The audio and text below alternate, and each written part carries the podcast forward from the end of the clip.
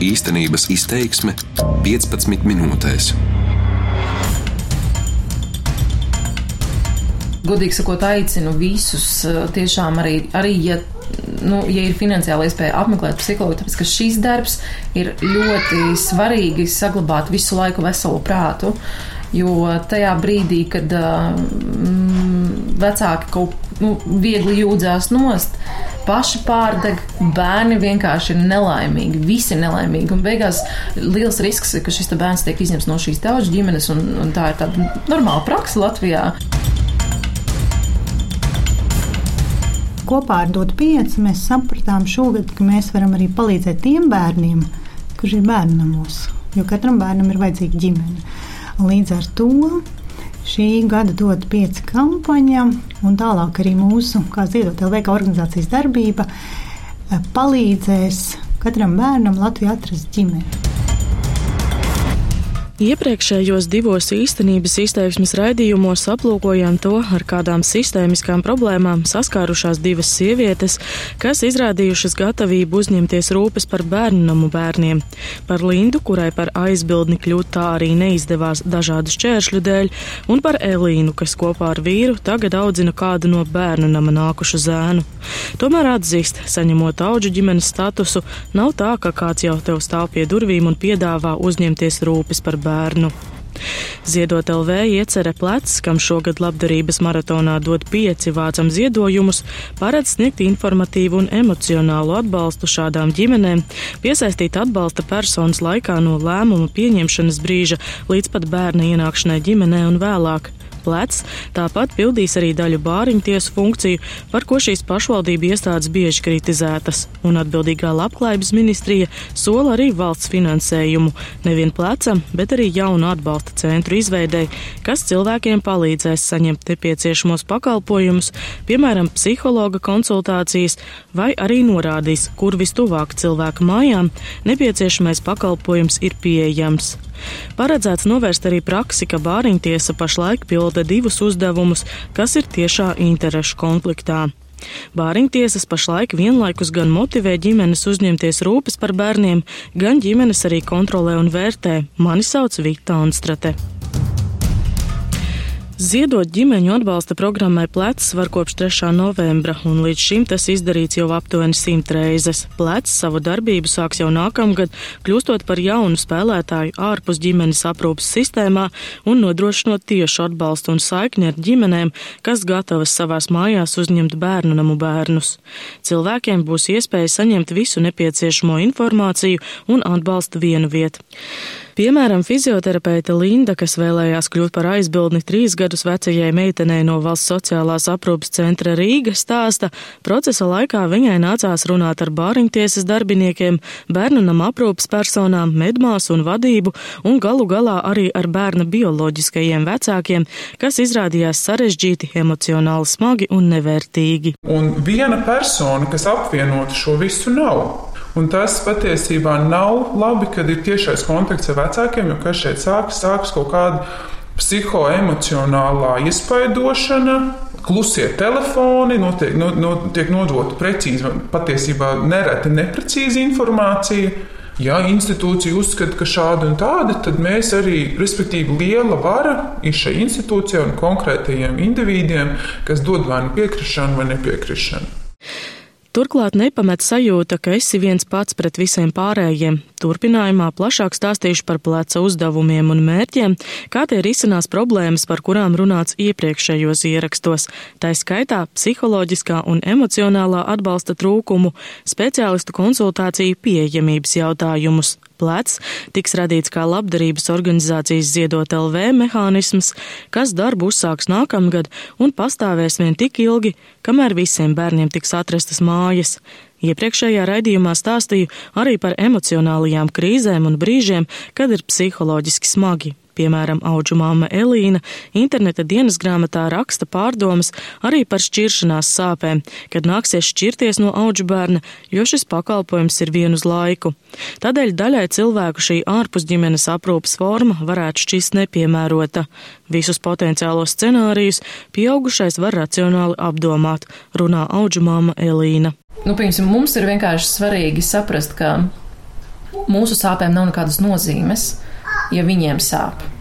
Un kā mēs varam salīdzināt savas, man, man parasti gribas teikt, savas sāpītes, ja, ar to, kas notiek bērnam bērnā, kad viņš vienkārši sēž krātiņā un neviens ar viņu nerunā un neviens viņu neņem rokās. Tāpat jau nākamgad pleca darbinieki nodrošinās auģu ģimeņu adoptētāju un aizbildņu saskarsmi ar citām iesaistītajām institūcijām.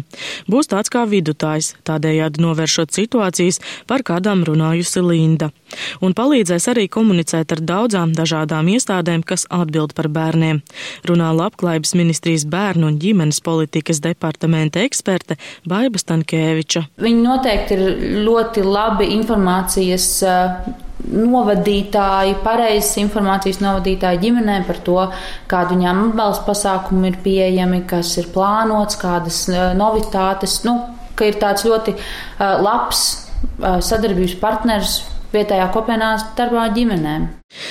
Pat labam šādas sistēmas nav. Iepriekšējos raidījumos izgaismojām vairāku mammu stāstus, ka praktiskā informācija un pieredzes stāsti pašlaik jāmeklē piemēram internetā. Dod pieci šī gada vēstnese Evita Puriņa savukārt plašāk stāstīja par savu pieredzi, vēršoties kādā no pierīgas bāriņtiesām un saskaroties ar sajūtu, ka tev ir motivācija, bet tai otrai pusē tas diezko neinteresē. Tikmēr Linda stāsta arī, kā ritējušas sarunas ar valsts sociālās aprūpas centra centra Rīga darbiniekiem, runājot par trīsgadīgās meitenes aizbildniecību. Šis bērnams plašākas sabiedrības redzeslokā nonāca pēc žurnālistikas eksperimenta zīdaiņu aukle atklājumiem. Tad ir sociālais darbinieks, dažreiz pat divi, kur teorētiski kaut ko par bērnu zina, teiksim, nu, tādas juridiskas lietas un kaut ko tādu, bet kāds viņš ir, ko viņš ir praktiski jau tā kā nē, jo viņa dienā ar viņu nav. Tad ir institūcijas ārsts, kur man bija pieredze, kad uh, arī par bērnu um, nu, teiksim, šo te kognitīvo attīstību, fizisko attīstību arī nav lietas kursā tādā mērā, kā vajadzētu būt. Šogad Labklājības ministrija aptaujājusi adoptētājus, un mēs pieļaujam, ka adoptētāju atziņas vairākos aspektos varētu skart aizbildņus un auģu ģimenes. Vaicājot, kas būtu vienkāršojams adopcijā, aptaujā noskaidrots, ka daudziem adoptētājiem traucējusi sarežģītā birokrātija un laikietilpīgā dokumentu kārtošana, arī bāriņtiesu darbinieku un ievājošā attieksme. Par to sistēmas bērnu ierakstos vēstīts nereizi vien un ne tikai adopcijas kontekstā. Ņemot vērā atbildes aptaujā, turpmāk iecerēts daļu valsts bērnu tiesību aizsardzības inspekcijas un bāriņtiesu funkciju un uzdevumu nodot plecam. Ģimeņu atbalsts, motivēšana, izglītošana un apmācība būs jaunizveidota atbalsta centra un arī pleca atbildība. Par šo tūlīt stāstīšu vairāk pāriņtiesas tikmēr saglabās funkcijas nodrošināt bērnu tiesību uzraudzību un kontrolēs sniegto pakalpojumu kvalitāti, stāsta ministrijas pārstāve Baiba Stankēviča.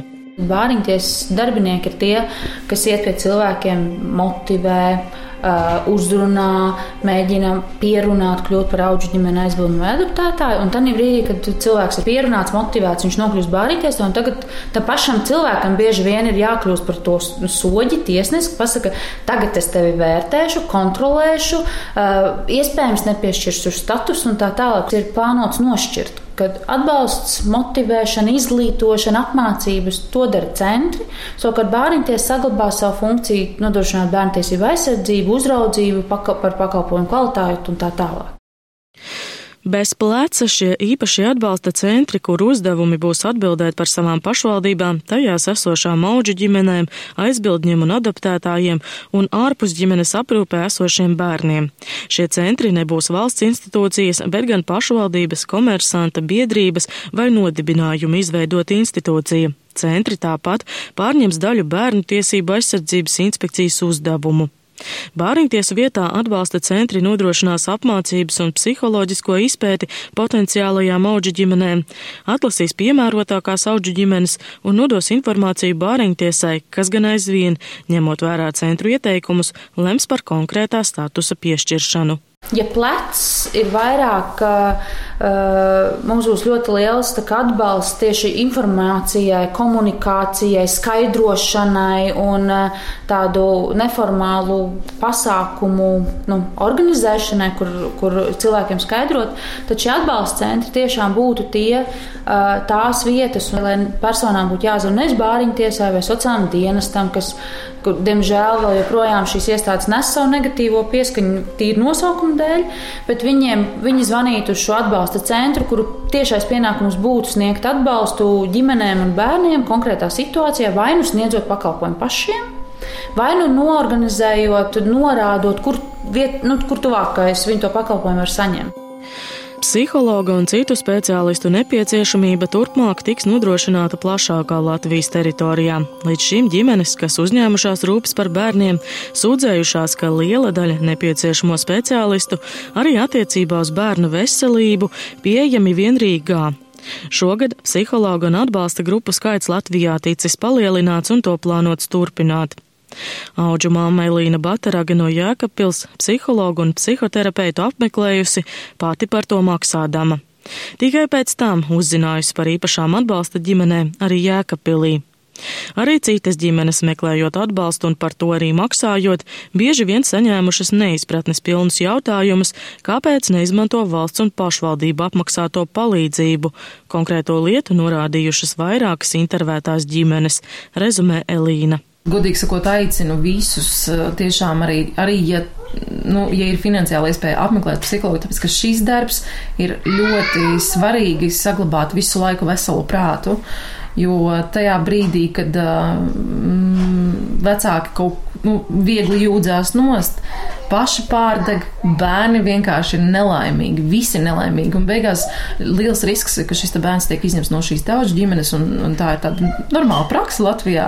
Psihologa šīs atbalsta programmas ir ļoti svarīgas un ļoti nozīmīgas auģu ģimenēm. Jo, protams, ne visi var atļauties apmeklēt to psihologu, kur varbūt viņš vēlās, ja, bet nu, kaut kādai iespējai ir jābūt. Ziedot pleca programmai iespējams jau tagad, līdz šim ziedot paguvuši jau aptuveni simt ziedotāji. Katri 5 eiro par dziesmu pielīdzināmi vismaz 30 minūšu ilgam atbalstam, neatkarīgi no tā, vai tā būs emocionāla vai psiholoģiska palīdzība.